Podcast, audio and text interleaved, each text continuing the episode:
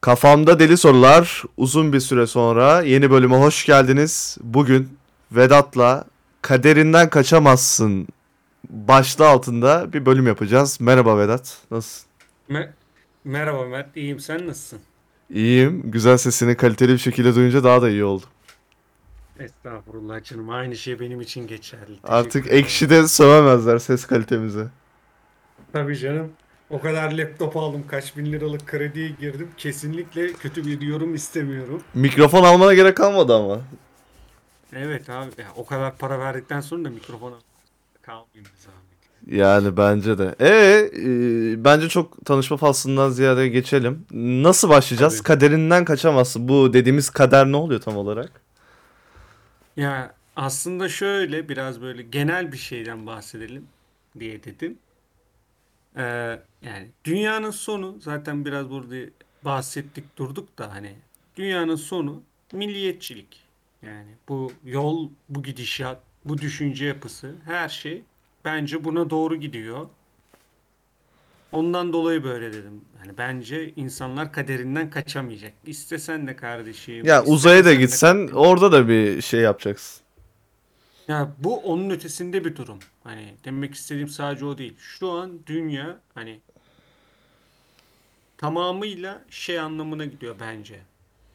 Hani milliyetçi olacak ya gelişmiş ülkelerde bile çok ciddi bir milliyetçi akımların yükseleceğine inanıyorum ben. Bu şey gibi mi mesela yani milliyetçilik bir ara tavan yaptı sonra azaldı tekrar mı yükselecek yoksa daha önce olmayan bir milliyetçilik mi yükselecek? Yani şöyle bence hem yeniden bir yükseliş olacak. Çok uzun bir süre bir milliyetçilikten bahsediyor olacağız belki de. Ee, bunun dışında da tabii ki de geçmişteki gibi olmayacak. Çok farklı bir milliyetçilik geliyor. Yani nasıl diyeyim? Ya benim Sonuç bir- olarak- buradaki milliyetçilik kavramı lafını kestim ama işte tarih Yok, yok. kitaplarında da öğretiler ya Fransız devrimi, milliyetçilik kavramı. Öyle öyle şeyler oldu ya işte devletler parçalanmaya başladı vesaire. Yani Ya, siyasi milliyetçilik var bir de dediğin gibi bir de şey var ırksal milliyetçilik var. ya şöyle ben ırksal milliyetçilik hani tam ırkçılık da olmayacak işte. Demek istediğim nokta burada bu. Hani eski insanların dediği gibi hani mevzu üstün Aryan ırkı ya da üstün Türk ırkı Amerikan milletinin üstünlüğü gibi olmayacak demek istediğim o. Hı hı. Hani bu- yani şöyle Kurtlar Vadisi'ni izleyenler varsa Çakal Carlos'tan bahsediyor. Yani ilk 97 bölüm tabii bu dediğim. Çakal Carlos'tan bahsedilen bir an var. İşte diyor ki Çakal Carlos diyor aslen Kolombiyalı mı ne öyle bir yerden işte Güney Amerikalı. Ailesi koyu bir komünist. Kendisinin adı da zaten şey Vladimir İlyich Carlos mu ne? Hani Hı hı. adamın adını direkt Lenin yani. Neyse daha sonrasında bu komünist devrim falan yapacağım diye takılıyor takılıyor. Ondan sonra Müslüman topraklarına geliyor ve daha sonrasında adam Müslüman oluyor. Şu an hala yaşıyor. Fransa'da bir hapishanede yaptığı terör saldırılarından ötürü ömür boyu da orada hapis cezası çekiyor. Hı hı. Ve orada çok güzel bir şey diyorlardı. Eskiden fakirlikten çıkış yolu için komünizm satıyordu insanlara. Daha sonra bu durum İslam'a döndü. Hani İslam satıyordu. Hani sizi fakirlikten çıkaracağız deniyordu. Bence gelecekte ise bu durum milliyetçilik olacak. Ee, ama bu verdiği örneklere bakarsak e, zaten komünizm e, deva bulamadı. İslam da deva bulamıyor. E, demek ki milliyetçilik de deva bulamayacak aynı mantığa göre, aynı reçeteye Ama göre. işte ama işte milliyetçiliğin diğerlerinden çok büyük bir farkı var. O yüzden deva bulabilir. Ne gibi?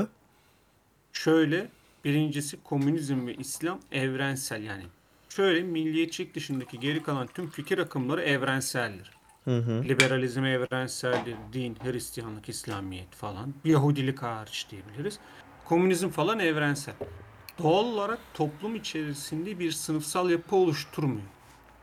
Hı hı. Ama mesela örnek veriyorum şu an tamamıyla yazıyorum kafamdan. Türkiye böyle alternatif çok sert bir milliyetçi parti iktidara geldi.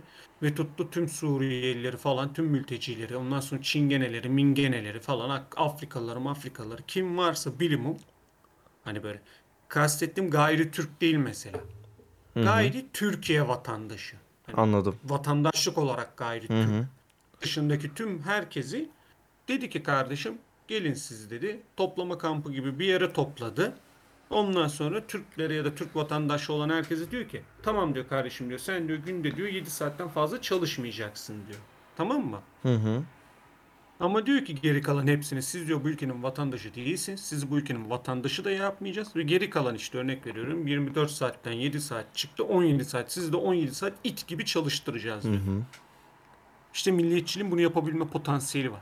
Ya ben e, o şey örneğini verdin aslında şeye girecektim. İşte Vedat özellikle vurguladı ırksal olmadığını. Şöyle bir Hı hı. örnek vereceğim Vedat'ın aklındaki olayı. Bir mahalle var. 30 yıldır beraber yaşamışlar. Dışarıdan birisi giriyor ama mahallede şey de olabilir. E, işte Yahudi de olabilir, şey de olabilir, Kürt de olabilir, Türk de olabilir. 30 yıl sonra gelen bir insan onları rahatsız ettiği için aralarında birlik olup o adamı def ediyorlar. Yani Vedat'ın demek istediği milliyetçilik bence böyle bir şey. Şu an mesela Türkiye'de de vardır ya birlik Evet. oldu mesela insanlar Suriyelilere, Afganlara karşı. Evet ya ama benim burada demek istediğim nokta def etmek değil.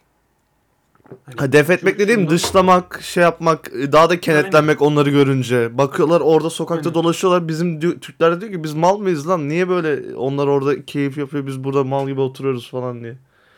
Aynen o, o olabilir yani. Demek istediğim aslında nokta şu. Hani ülkeden mesela Suriyelilerin pek gönderileceğini düşünmüyorum. Ama Suriyeliler bayağı ne bileyim belki bundan 20-30 yıl sonra çingeneleşebilir. Eğer böyle esnaf, mesnaf falan tarzı ya da mafya olanlarını hariç tutuyorum. Geri kalan sıradan Suriyelilerin birçoğu Türklerle evlenemeyen falan hani Türk Kürtle falan bir şekilde Parası olmayan veyahut da işte. Aynen. Onların büyük bir ihtimal çingeneleşeceğini düşünüyorum ben. Hı hı. Hani yani demek istediğim burada şu hani mevzu burada ırksal bir üstünlükten daha çok ekonomik olarak yeni bir sınıf yaratmak. Toplumun bir Ezilmişin parçası değilmiş. olamamak. Ha, efendim? Toplumun bir parçası olamamak, oraya entegre olamamak gibi Aynen gibi. öyle. Onları aynen öyle. Onları bilerek kendi aralarına entegre etmeyecekler. Onları böyle dışlayacaklar ve o kişiler de hani sistem tarafından, devlet tarafından belki bilfil devletin eliyle o kişiler baskılanacak. Hani Hı hı. toplumun en alt sınıfı olacak, en dibi olacak. İşte diyorum ya fabrikada 17 saat çalışacak belki. Belki de bir Türk'ün, bir Kürd'ün girmediği işe girecek. Ya da inşaattaki en güvenliksiz işi onlara yaptıracaklar. Ya en Hani- basit örneği Amerika, Meksika işte abi. Ya Amerika dünyanın en e, karma şeyi, devleti. Zaten e, şey Devletler Birliği, Birleşik Devletler ama Meksikalılara şey gözüyle bakıyorlar. İşte bizdeki Afgan, Suriyeli gözüyle bakıyorlar. Bütün Evet, ağır işleri evet. yaptırıyorlar, köpek çekiyorlar. Aynen öyle. Onun gibi olacak. Hatta onu diyorum ya hani artık şu. Demek istediğim nokta şu. Bu artık resmi bir kural haline de dönüşebilir. Hı hı. Demek istediğim o. Hani bir bu tarz hani iktisadi bir yönden hani özellikle bunu vurguluyorum. Milliyetçiliğin çok yükseleceğine inanıyorum. Çok yükseleceğine inanıyorum. Ve eee, neydi onun adı? Mesela İkinci Dünya Savaşı evvelinde de böyle bir durum vardı. Avrupa hani Birinci Dünya Savaşı'ndan sonra o kadar çok karmaşık bir hale geliyor ki göç dalgaları, kontrolsüzlük, kimin nerede ne yaptığı belli değil ve bu durum çok otoriter rejimleri doğurmuştu. İşte Almanya'da Naziler halkın desteğiyle iktidara geldi. İtalya'da şeyler siyah gömlekliler yani darbe yaptılar. Aldılar hükümeti. Franco İspanya'da çıktı ortaya. Komünistlerle milliyetçilerin savaşını falan. Hani demek istediğim burada da şu. Hani bu toplumsal göç çünkü şeye sebep olacak. O, e, nasıl desem düzensizliğe götürecek. Göç düzensizlik getirir. Tarihin Ona- ona geleceğim. Sence Evet. e, işte anlattık, şey yaptık.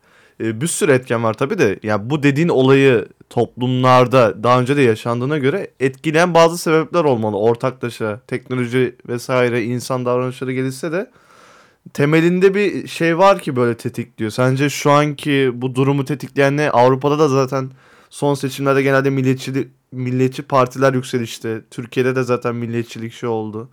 Ya ortasını görüyoruz. İşte Trump'ın falan seçilmesi. Bunlar hep belli bir süreçti. Yani şu an dünyanın böyle bir sürece girmesinin ana sebepleri ne olabilir sence? Ya birincisi şu kanka. Şimdi Türkiye bunu yeni yaşıyor. Hani bak Hı hı. neydi onun adı? Ben hani Avrupa'yı biliyorsun gittim. Kısa bir süre bile olsa bir gidiş yaptım.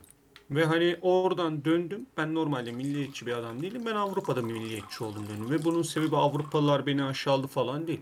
Alman görüyor beni kendinden sanıyordu. İspanyollar selam veriyordu falan hani. Hani ezilme gibi bir durumum hiç yaşamadım.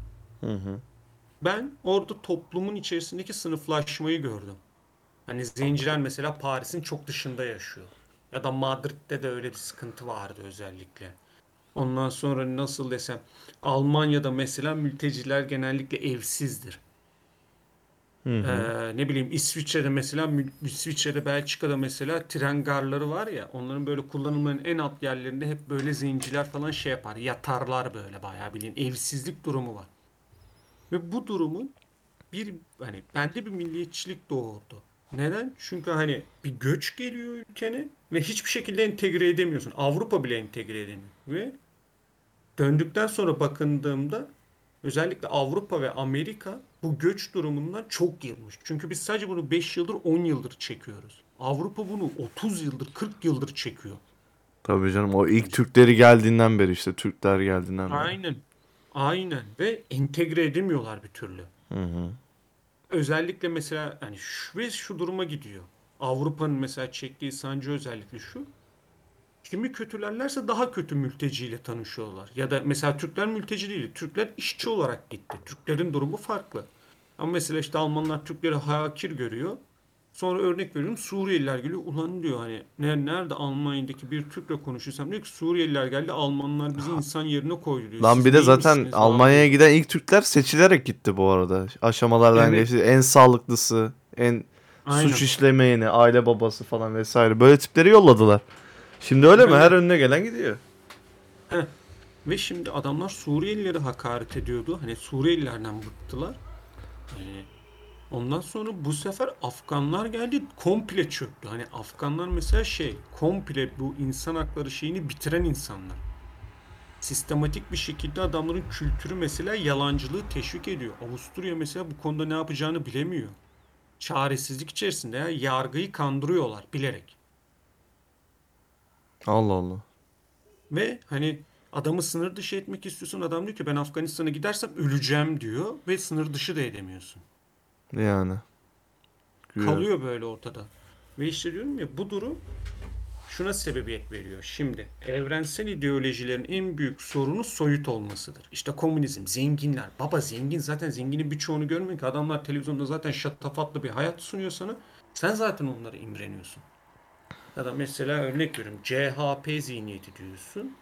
Ama senin yakınındaki adam Koko Partisi yapıyor ya da senin oğlun sen çok dindarsın. Senin oğlun alkolü gömülebiliyor ve bir şey Hı hı. diyemiyorsun birden. Hani demek istediğim nokta şu. Çok geçişkenlik var. Hani böyle o soyut olduğu için istediğin gibi sert sınır böyle kendinden olmayanı ezebileceğin bir şey davranış geliştiremiyorsun. Ama milliyetçilik öyle değil ki. Adam Suriyeli dersin çat bitti. İstediğin kadar uğraş dur. Yani. Hani demek istediğim o. Ve hani tarih boyunca da hep çok şiddetli göçler hep devlet yıkıyor. Yani tarihin en büyük imparatorluğu yıkıldı ya. Biz yıktık. Roma İmparatorluğu ne? Roma İmparatorluğu yıkan olay nedir? Kavimler göçüdür. Kavimler göçünü başlatan kim? Biz Türkler. İşte biz Türkler geliyoruz, onu oraya itiyoruz, onu oraya itiyoruz, o yok o oraya itiliyor bilmem ne. Roma bu dengesizlik ve kaotik ortamda yıkılıyor ya. Tarihin en büyük imparatorluğu yıkıldı göçten ötürü. Tabii ki. Yani, yani böyle bir şey var. Bir de kültür de uymuyor. Bu da ayrı bir sorun. ya zaten şu an dünya daha da sıkıntı. İletişim daha güçlü olduğu için toplumların birbirleriyle arasında e, şey daha e, kolay. Ya öncesindeki kavimler göçündeki toplumların bir birlikte hareket etmesi imkansız bir şey ama şimdi öyle değil. İşte adamlar en kötü Suriyeliler, Afganlar TikTok çekerek e, Türkiye'ye kafa tutuyorlar yani. Evet muz muhabbetini. Aynen. Onu senden öğrendim. Baya komik olay ya. Ya, ya ben hani şöyle bir örnek vereyim sana kültür farkını. Hani bu da farklı bir şeye geçiş yaparız birazdan belki. Şöyle bir örnek vereyim canım benim. Şimdi normalde ne diye konuşuyoruz biz? İşte örnek veriyorum. işte Türkler de Müslüman, Araplar da Müslüman, din kardeşiyiz diyor. Yani din kardeşi diyorsun değil mi? Yani sonuç olarak. Ya da dindar, dindaş diyorsun. ha. Evet. Dindaş değil. Şimdi ortada ama şöyle bir sorun var. Hani bu tarih boyunca aşılamamış. Yani bunu İslam'dan örnek verelim mesela. İslam ne zaman gayri Arap, Arap dışı bir milletle tanıştı? İlk mezhep doğdu. İslam Farsilerle tanıştı. Farsilere çok kötü davrandı ve Şiilik doğdu. Hani İslam dedim özür dilerim. Araplar. Yani Hazreti Ömer falan içinden geçti İran'ın. Neler neler yaptı. Hani şey neydi onun adı? Gazneli Mahmut yanlış hatırlamıyorsam. Gazneli Mahmut olmasa şu an İran'ın o meşhur şehnamesi yoktu. İran kültürünü İran kült yani böyle ortaya çıkartan yazılı bir eser Şehname yazdıran adam bir Türk. Hı hı. Hani i- neydi onun adı? Hani burada amacım şey değil. İranlıları biz kurtardık diye bir milliyetçilik, şovenlik bir anlayış yapmaktan ziyade burada demek istediğim nokta şu hani Araplar öyle bir içinden geçti ki İran. Hani demek istediğim şu. Hani kültürlerini yok ediyordu ya. Ve bu durum bir tepki, bir öfke doğurdu bir Şiilik çıktı ortaya. Hı hı. Ne oldu işte Türklerle tanıştı mesela normalde Türklerle Araplar hani en çok birbirine şeydir deriz değil mi? Hani ikisi de Sünnidir deriz değil mi? Hı hı. Ama mesela Sünnilik de kendi içerisinde itikadi bir mezheptir. Yani çok önemlidir bu durum. Hani itikadi mezhebin senin cennete gidip gidemeyeceğini belli etmesinin ötesinde seni yani eğer yanlış bir itikadi mezhebe me- mensupsan bir Hristiyandan bir gayrimüslim gibi sonsuza kadar cehennemde de yanabiliyorsun. Valla çok anlamadığım konular biraz yeni öğrendim bu dediğin şeyleri açıkçası. Hani mesela örneğin hani Sünnilik Şiilik arasındaki bu kadar şiddetli çekişmenin sebebi bu. Hani mesela Hmm. çünkü Sünni diyor ki hak mezhep benim diyor itikadi mezhep diyor yani düşünce yapısı olarak hak benim diyor mesela. Tamam mı? Hı hı. Şiiler diyor ki sen diyor senin diyor bir Hristiyandan farkın yok diyor. Sen mutlak cehennemdesin diyor. Hatta Şii'ye bir hain gözüyle bakıyor. Daha da nefret ediyor ondan Sünniler. E Zaten Şiiler de aynı şekilde ayrı yola geçmişler. İnanç, e, ibadet şekilleri de artık değiştiği için çok bambaşka bir şey Yani. olmuş. Din olmuşlar aslında. Ya a- diyebiliriz. Mesela hali, şey Selefiler var. Türkiye'de Selefilik de yaygınlaşıyor. O bambaşka bir şey. Mesela Selefilik tüm mezhepleri reddediyor. Diyor ki biz diyor Hazreti Muhammed'in yaşadığı çağa göre yaşamalıyız. Her şeyi onun çağına uygun yapmalıyız diyor. İşte kıyafetlerimiz, kullandığımız teknolojik ürünlerden tut O da bilmem çok ne. saçma bir şeymiş lan bu arada. Ama öyle diyorsun da Araplar o Selefiliği yayarak o Türklere karşı Birinci Dünya Savaşı'nda isyanı tetikledi. Ne bileyim abi teknolojide bir yerde ilerliyor yani. Ya öyle diyorsun da adamlar sonuç olarak kendilerine bağımsız bir devlet kurdu. Ya hani burada demek istediğim nokta şu. Şimdi Suriye'deki Araplar, Irak'taki Araplar falan, Türkiye Türkleri falan genel olarak Sünnidir deriz. Hı hı. Ama şöyle bir şey var. Sünnilik bak itikadi mezhep bu kadar önemli olmasına rağmen kendi içerisinde bile ikiye ayrılıyor. Bir İmam Maturidi Hazretlerinin Sünniliği var. Bir de İmam Eşari Hazretlerinin Sünniliği var. İmam Eşari Arapların Sünni lideridir. İmam Maturidi Türklerin Sünni lideridir. Arasından Hani çok sün- böyle bir ayrım var mı fark olarak? Ha, çok büyük bir ayrım yok. Ama detaylarda büyük farklılıklar var. Yani Hani doğal olarak. Yani detaylarda farklılık var. Ya da yine örnek vereyim. Hani kültürel bir farkın örneği olsun diye. Mesela Hızır Aleyhisselam muhabbeti. Hı hı. Araplara göre Hızır Aleyhisselam yayandır. Hani bir adımıyla bin kilometre falan gidiyor. Tamam mı? Türkler İslam'la tanıştıktan sonra Hızır Aleyhisselam muhabbetini duyuyor ve Hızır Aleyhisselam'ı Şii kabul edemiyorlar. Hızır Aleyhisselam'ın yaya olduğunu. At olması lazım yani. Aynen öyle diyorlar onlar da. Ulan diyor biz diyor ata biniyoruz diyor. Yayan adamı diyor öldürüyoruz diyor. Hızır Aleyhisselam bu kadar kutsal bir adam yayan olarak buradan buraya binemez diyor. Bunun diyor çok özel bir atı vardır diyor. Ve Türkler Hızır Aleyhisselam'a at motifi ekliyor. Ondan sonra Türkler türbe muhabbetini ekliyor İslam'a. Ne bileyim bu hani meşhur çaput bağlama şey falan İşte var ya. şamanizmden biraz şey yapıyorlar. Aa, yani şamanizmden geçiyor işte senin o çaput bağlama şeyin şamanizm. İslam'da Nazar boncuğu falan. Yok yani nazar boncuğunu bilmem. Nazar hak da nazar boncuğu muhabbetini falan bilmem. O yüzden onun ötesine bir şey demeyeyim. Ben öyle biliyorum. Nazar boncuğu Ha, o figür var ya şey o diyemem. figür şamanizmden geliyor diye biliyorum. Nazar zaten Evet. İslam'da var dediğin gibi de. Ha, doğrudur onu, onu bilemem. Ama demek istediğim işte burada şu. Hani bak düşün. İslam çaput gibi bir şeye bile karşı. Adamlar put gitti ya. Sen ise çaput bağlıyorsun. Ondan bir medet umuyorsun. da Evet bana çok mantıksız geliyor. gelirdi çocukken mesela. Bu kadar şey yapıp ya böyle türbelere falan gidilmesi. Bana çok mantıksız hani. geliyordu. Hani burada ise deme işte tam burada benim demek istediğim nokta şu. Sünni ikisi de iki millet. Sünni ama birbirlerinden çok farklı bir din yaşıyorlar ha bazı yönlerden. Evet. Hani Baya dinden çıkacak şeyler aslında düşününce. Hani ben burada hak şu hak bu demiyorum. Zaten hani onlar bile birbirlerinde kesin bir karar veremediği için Sünnilik kendi içerisinde iki kola ayrılmış. İşte bir Türklerin Sünniliği var, bir Arapların Sünniliği var. Hani bak burada demek istediğim nokta şu. Bir görüş tamam mı? Genele yayıldıkça insanların onu detaylarda detaylarda örgütleniyor. Hı hı. Görüş derken mesela örnek veriyorum ya da bunu genel bir şey olarak diyelim. Mesela Ermenistan küçük bir ülke bundan dolayı çok mobilize. Herkes Türklerden nefret ediyor. Evet. Ama Ermenistan 80 milyonluk bir ülke olsaydı, üç tarafı denizlerle çevrili olsa büyük bir ihtimal bizden nefret etmezlerdi. Hani neden? Çünkü çok genişe yayılıyor. Genişe yayıldığı için farklılıklar ve detaylarda örgütlenmeler ortaya çıkıyor.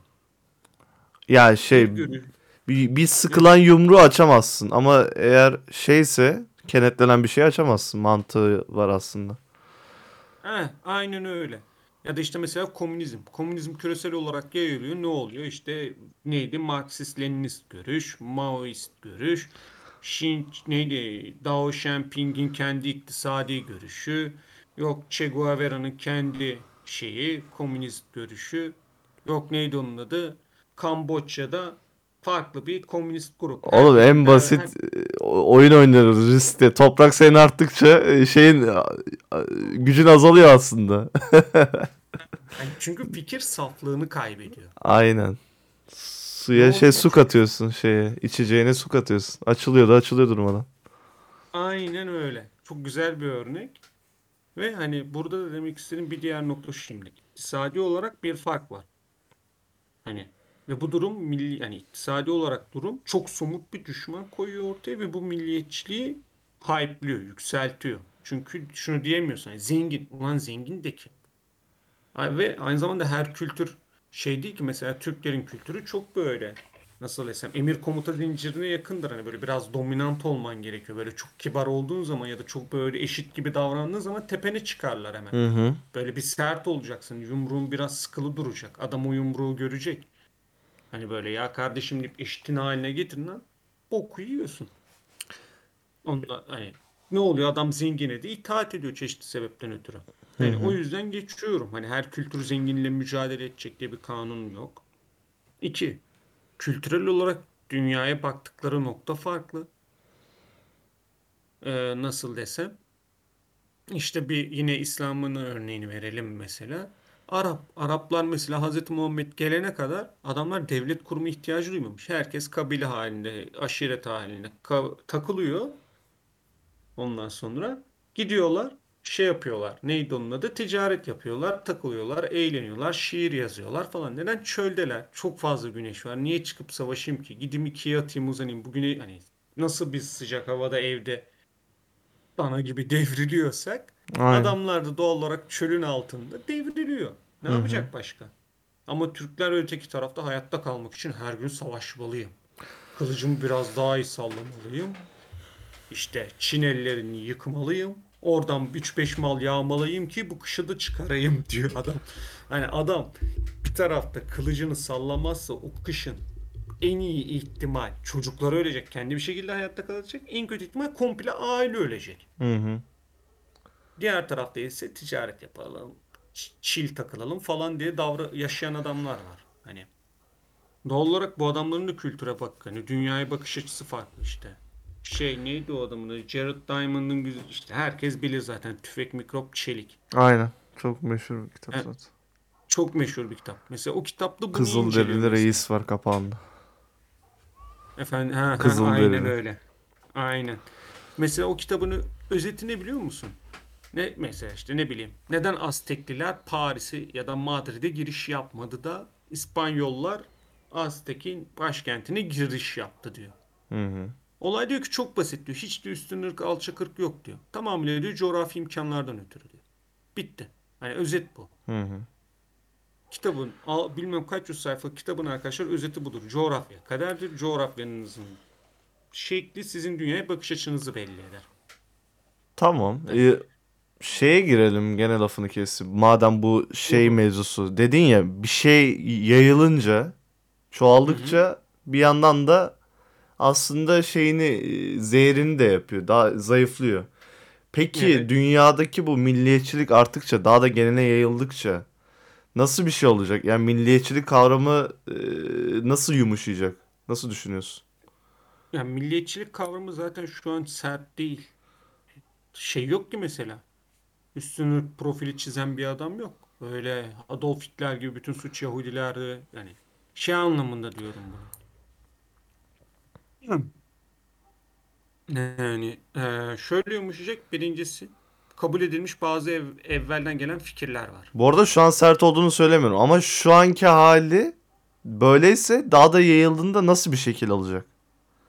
Ya büyük bir ya o birincisi ülkeden ülkeye değişecek. Mesela İsveç'in milliyetçiliği farklı olur. Kuzey ülkesi çok az hani dünya Türkiye'ye göre çok az tehdit altında hissediyor kendisini. Mesela ben Türkiye'dekini çok merak ediyorum nasıl bir şey olabilir? Yani doğudan batıya madem böyle bir ge- genel bir algı oluşacaksa nasıl bir algı olacak? Mesela İzmir'deki adamla Karadeniz'deki adam ya da doğudaki adam nasıl bir tavır takınacak?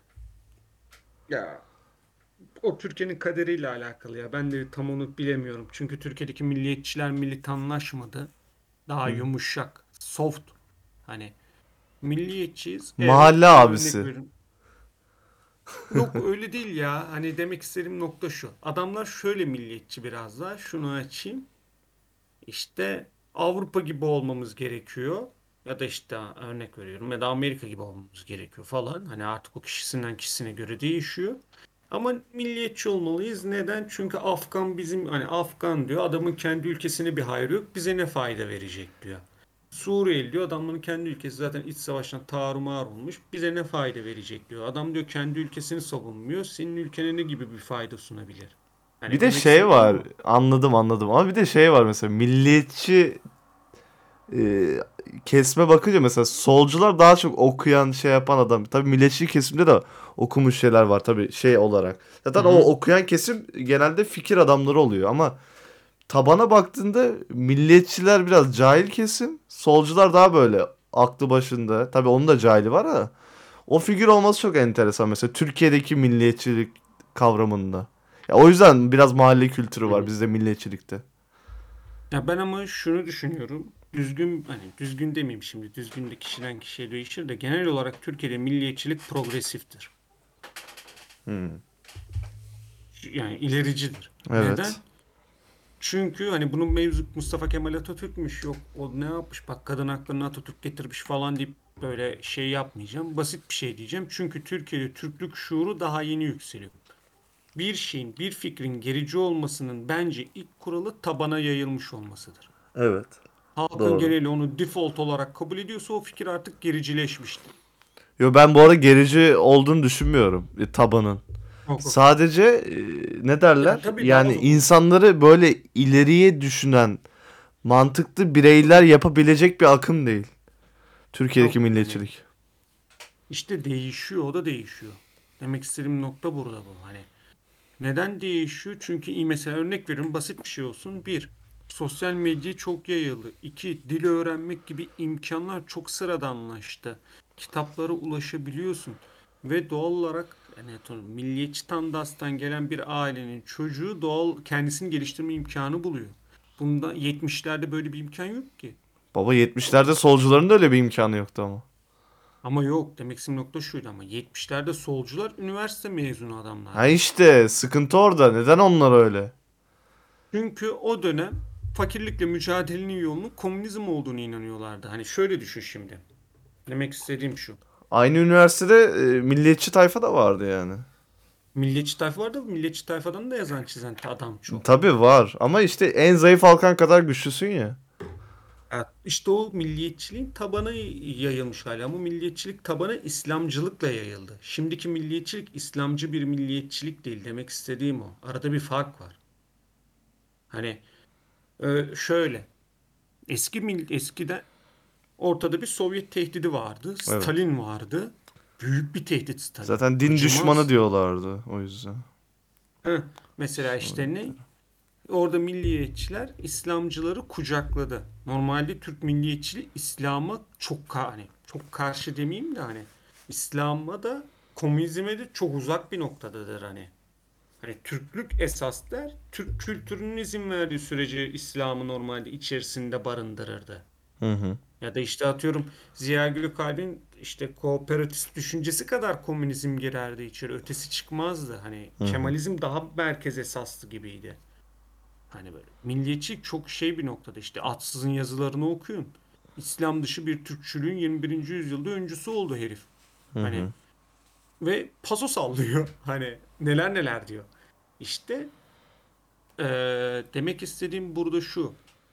Dışarıdan bir baskı var. Baskı ne? Komünist bir baskı. Komünist bir baskıya karşı işgal etmek istiyor Türkiye'yi aktif bir şekilde ve Almanya gibi bir devlet bile direnememiş. Biz yok oluruz korkusu var. Ve bu yüzden içeriği teslim etmemek gerekiyor. İçeride. sıkı tut- tutmak için İslam'a sığınıyor. Aynen İslamcılarla orada bir ittifak oluyor. Yani İşte Alparslan tabana Türkeş- yayıyor işte. Hani milliyetçilik orada tabana iniyor. Ama İslam, hani halkın İslami kültürüyle sentezlenerek bir milliyetçilik çıkıyordu. Hı hı. Ama AK, bir görüşün iktidara çıkması AK Parti'nin mesela ne kendisini İslamcı bir kimlikle çıkardı ortaya. Doğal olarak muhalefetten rahatsız oldukça AK Parti İslam kimliğini kullandıkça ne yaptı mesela örnek veriyorum. Kendisini farklı bir noktaya itti ve yine Türkçülük hani şey noktasına geldi. Hani İslam'a Türk kültürünün izin verdiği kadar yani Türk kimler vermeyecek kadar İslam diyor. İslam tamam hürmetkarız diyor işte namaz kıl- kılalım tamam falan ama abi biz Arap değiliz diyor. Hani Arap Araplaşmaya başladık muhabbeti doğdu mesela. Hı hı. Hani insanlar diyor ki Müslümanız ama Arap değiliz diyor. Hani demek istediğim ayrım bu. O, zaman öyleydi şimdi yine değişiyor. Yine değişecek. Hani Ama çünkü Şu anki Evet. hükümetin formülü de on numara yani. Hem e, milliyetçilik kesim var hem İslam kesim var ama zaten şu an mesela o dediğin olay var. Araplaşmadan rahatsız olduğu için e, hükümetin milliyetçilik tarafında da bazı sesler çıkıyor son zamanlarda. Çıkacak, o daha çok çıkacak. Bunlar ben kaçınılmaz olduğunu düşünüyorum. Çünkü küresel çapta bir fikri savaş yok. Hı hı. Hani milliyetçilik çatlak sestir. Milliyetçilik bir nevi şeydir, demokrasidir. Hani şey anlamında demokrasidir. Çünkü milliyetçilik her milletin bir konu hakkındaki bir yorumudur. Baş Tıpkı her partinin baş kaldırı olarak düşünme. Örnek veriyorum. Ortada bir demiryolu projesi var. Adalet ve Kalkınma Partisi örnek veriyorum şu an. Bu demiryolunu A şehrinden B şehrine geçirelim diyor. CHP de diyor ki C şehrinden B şehrine gidelim geçirelim diyor. İyi Parti de D şehrinden B şehrine geçirelim diyor. Değil mi? Hı hı. Ne oluyor burada? Her parti çeşitli sebeplerden ötürü olur. Kendi yandaşlarını zengin etmek olur, farklı bir sebep olur. Gerçekten vatan millet sakaryet çizgisi olur falan. Fark etmez burada bu durum. Ortaya bir farklı yorum koyuyor, değil mi? Hı hı. İşte demokrasilerde de mille e, şey daha doğrusu şöyle söyleyeyim. Barış anlarında milletler kendi içerisindeki farklılıkları görür. Çünkü artık sen sevmediğin insanla yan yana mücadele etmek zorunda değilsin. Evet. Hani AK Parti sonrası Türkiye'nin de göreceği bu. Mesela şu an çeşitli gruplar birbiriyle AK Parti'yi devirmek için ittifak halinde. Neden? Bir Evet. savaş konsensus durumu var hani. Ama AK Parti'yi devirdin. AK Parti gitti. Tarihe harbi gömüldü. Geri gelemeyecek bir pozisyona itildi. O zaman artık benim senle yan yana durmam gerekmiyor diyecek adamlar. Hı hı. Olayları farklı yorumlayacak. Şiddetin şey yani. Şiddet derken sokaktaki şiddet değil. Siyasetteki şiddet yükselecek. Hani demek istediğim yine bu. Mesela ne? Küresel çapta artık komünist bir ekonomiden, ekonomiden bahsetmiyoruz. En komünist adam Çin, o bile kapitalist. Ee, bu bir. İkincisi, küresel çapta ne bileyim hani fikri olarak ırkçılık çok büyük bir hezimete uğramış durumda. Adolf Hitler denilen geri, geri zekalı bir herifin ırkçı olduğundan ötürü değil de milliyetçiliğe verdiği zarardan ötürü bunu diyorum. Evet.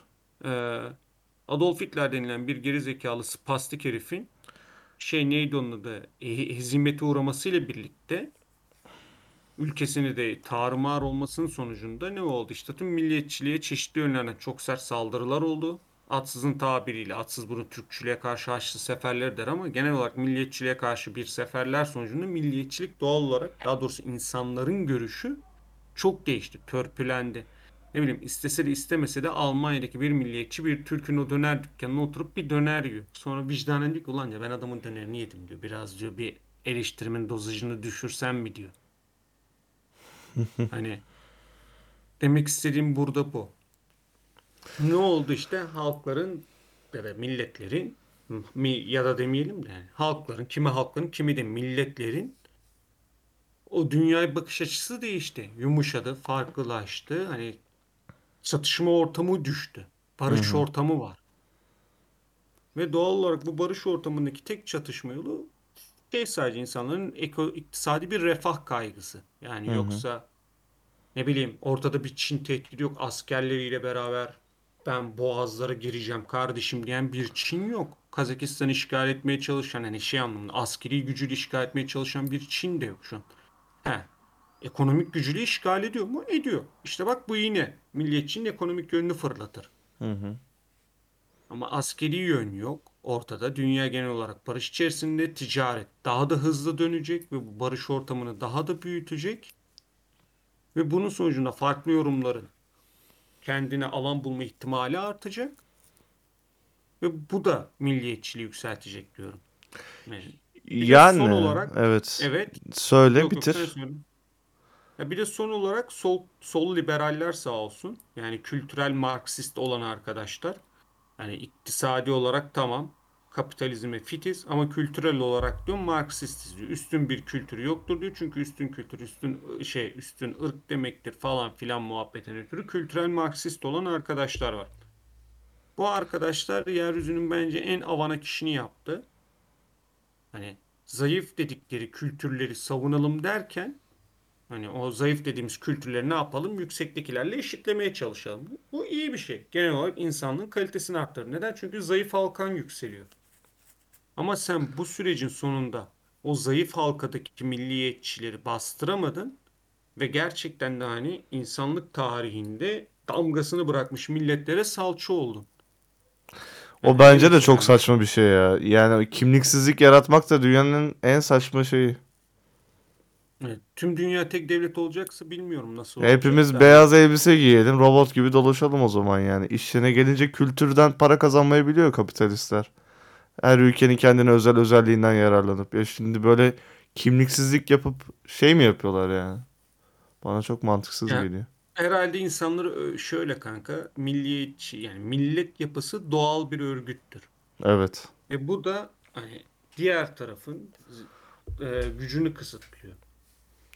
Hani saldırmasını engelliyor. Hani baskı kuruyor. Neden? Çünkü örnek veriyorum. Mado tutmuş Çin'de işte ben Çinliyim falan demiş. Çin'de restoran açmış. İnsanların ona bir lafı yok.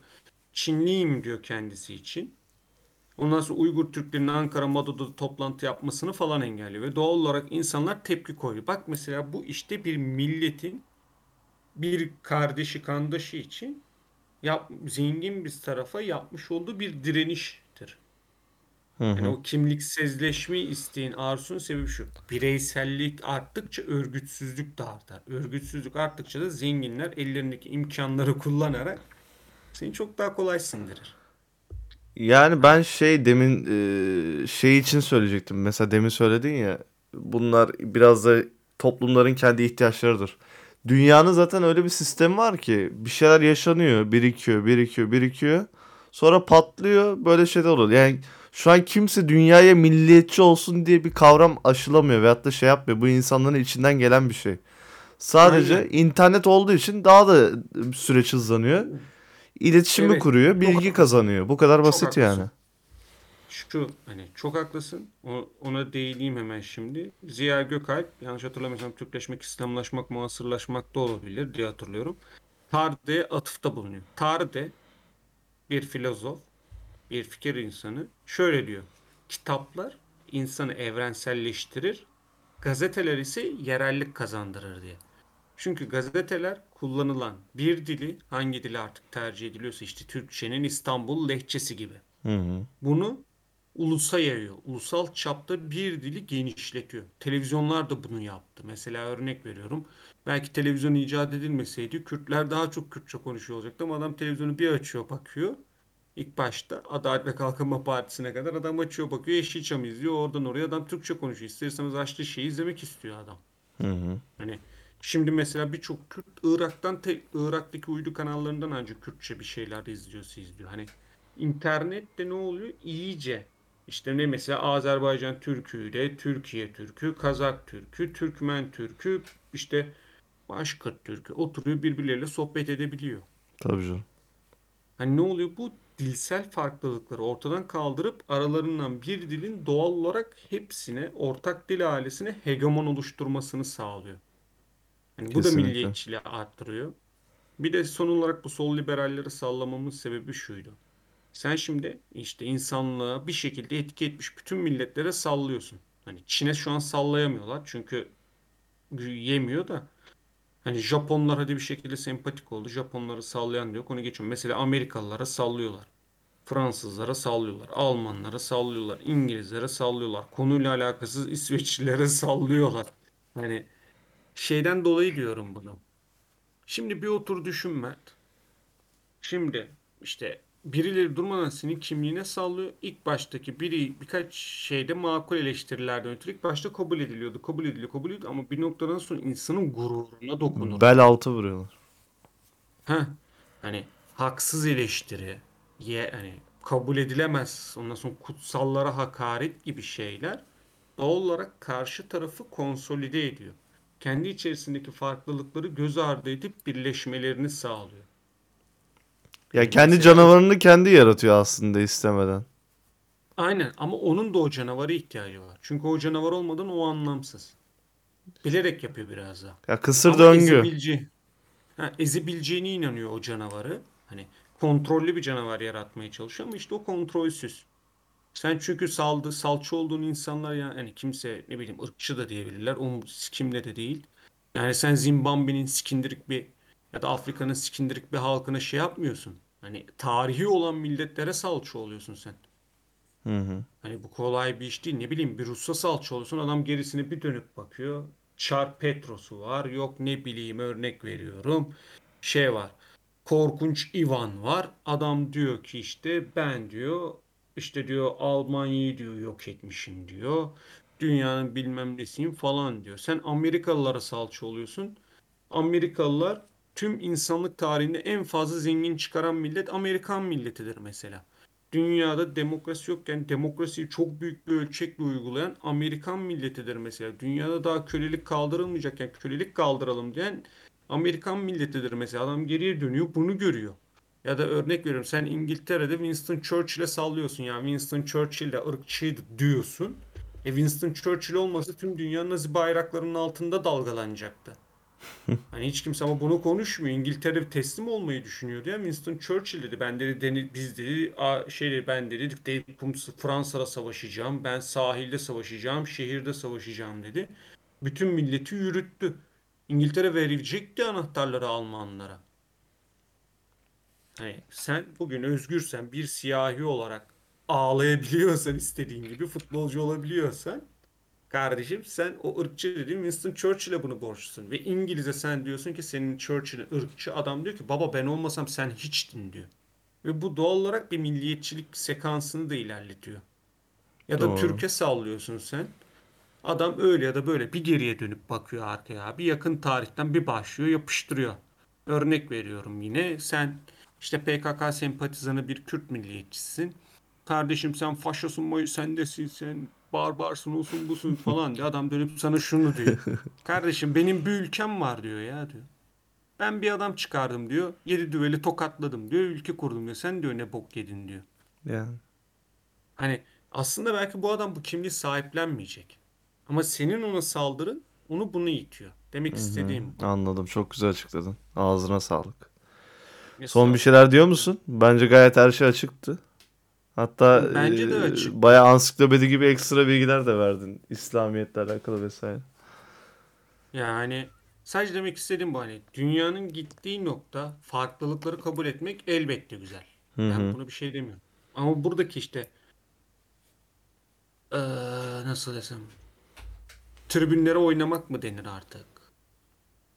Sıradanlaşmak mı ya da alan kazımak mı? Bunların farklı sebepleri var mesela. O yüzden o konuya girip de süreyi de mahvetmeyelim de. Hani çeşitli sebeplerden ötürü iktisadi olur, kültürel olur. Ee, Ondan sonra e, neydi onun adı? Şey hani hem kültürel olarak hem de dünya görüşü olarak farklılıklardan olur. Gururu incinmiş, öfkeli insanlar olur. Ve çeşitli sebeplerden belki daha minor ya da daha major m, sebeplerden ötürü, daha küçük, daha büyük sebeplerden ötürü hiç fark etmez. Milliyetçilik yürüyor. Çünkü en basit örneği tekrar diyorum bunu fakirler için milliyetçilik bir umut. Öfkeli her insan için şu an milliyetçilik yeni bir umut. Çünkü milliyetçiliğin kötü anıları çok uzakta kaldı. Şu anki yeni jenerasyonların hiçbirisi o anıları yaşamıyor.